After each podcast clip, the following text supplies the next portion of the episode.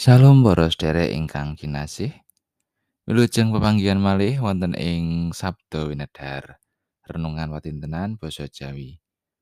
Sumangga sesarengan kita ngegilut sabdanipun Gusti nanging kita ndedonga langkung rumiyin. Duh Gusti Allah Rama kawula ing swarga mulya saha langgeng. Matur nuwun Gusti awit sakathahing berkah paduka ing gesang kawula. Sakmenika Duh Gusti, kawula nyawisaken manah kawula badhe nampi sabda pangandika paduka. Mugi Roh Suci paring pepadang. Satemah kawula kasagetaken mangertosi lan nindakaken dawuh paduka. Duh Gusti tasih kathah dosa kekirangan kawula. Mugi Gusti kersa paring pangaksami.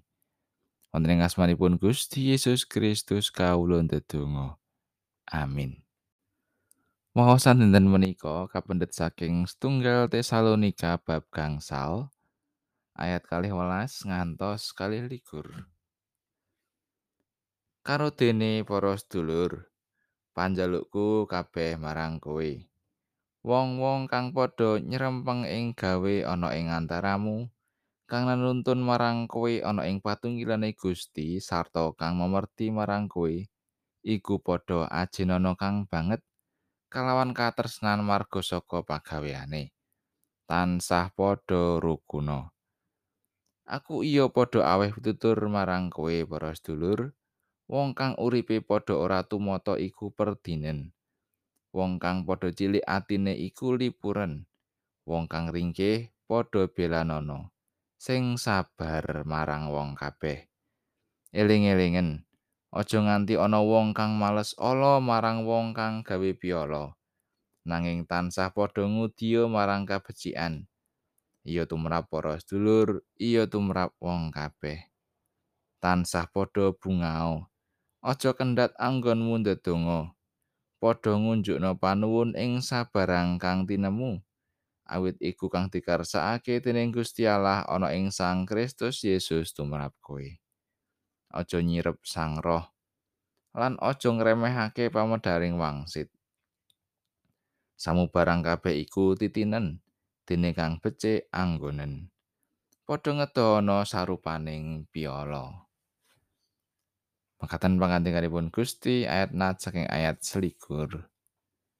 Samubarang kabeh iku titinen dene kang becik anggonen. Wonten tiyang ingkang bingung anggenipun miji barang ingkang badhe dipun tumbas amargi kathah pertimbangan. Ananging wonten ugi sawetawis tiyang ingkang boten migatosaken werni-werni kejawi pokoke pas duka pancen boten migatosaken utawi boten purun gagas ingkang baken betahipun cekap lan ingkang mekatan menika kathah ing antawising pasamuan. Perkawis miji barang kemawon menawi boten sae nggih boten purun ngagem tinimbang getun wingkingipun.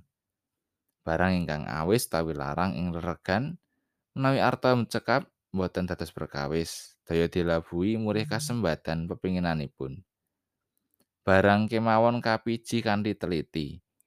Menapa malih bab tumindak Ing gesang watintenan pasramuan serawung kalian kathah tiyang ingkang werni-werni watak lan sipatipun.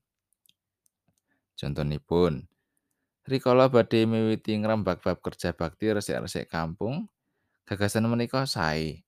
Nanging kedah kangatosaken kawontenanipun saben tiyang.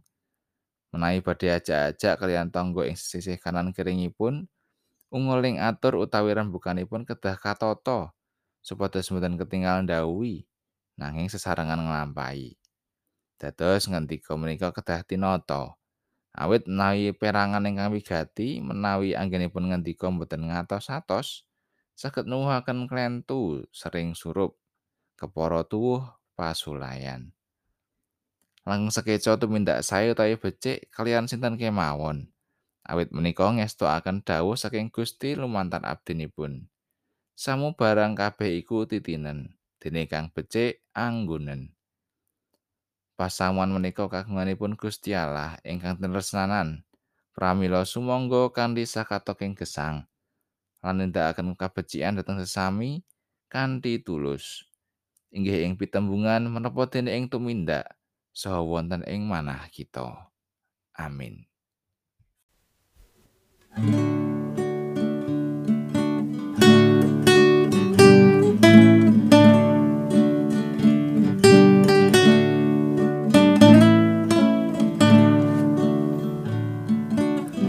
Gusti tetelemo enjing sabunika ing batos kawula. Lumantar patuko. Nyunarno pepadang ingkang nuntun lampah kula amre kula kuwaga panggung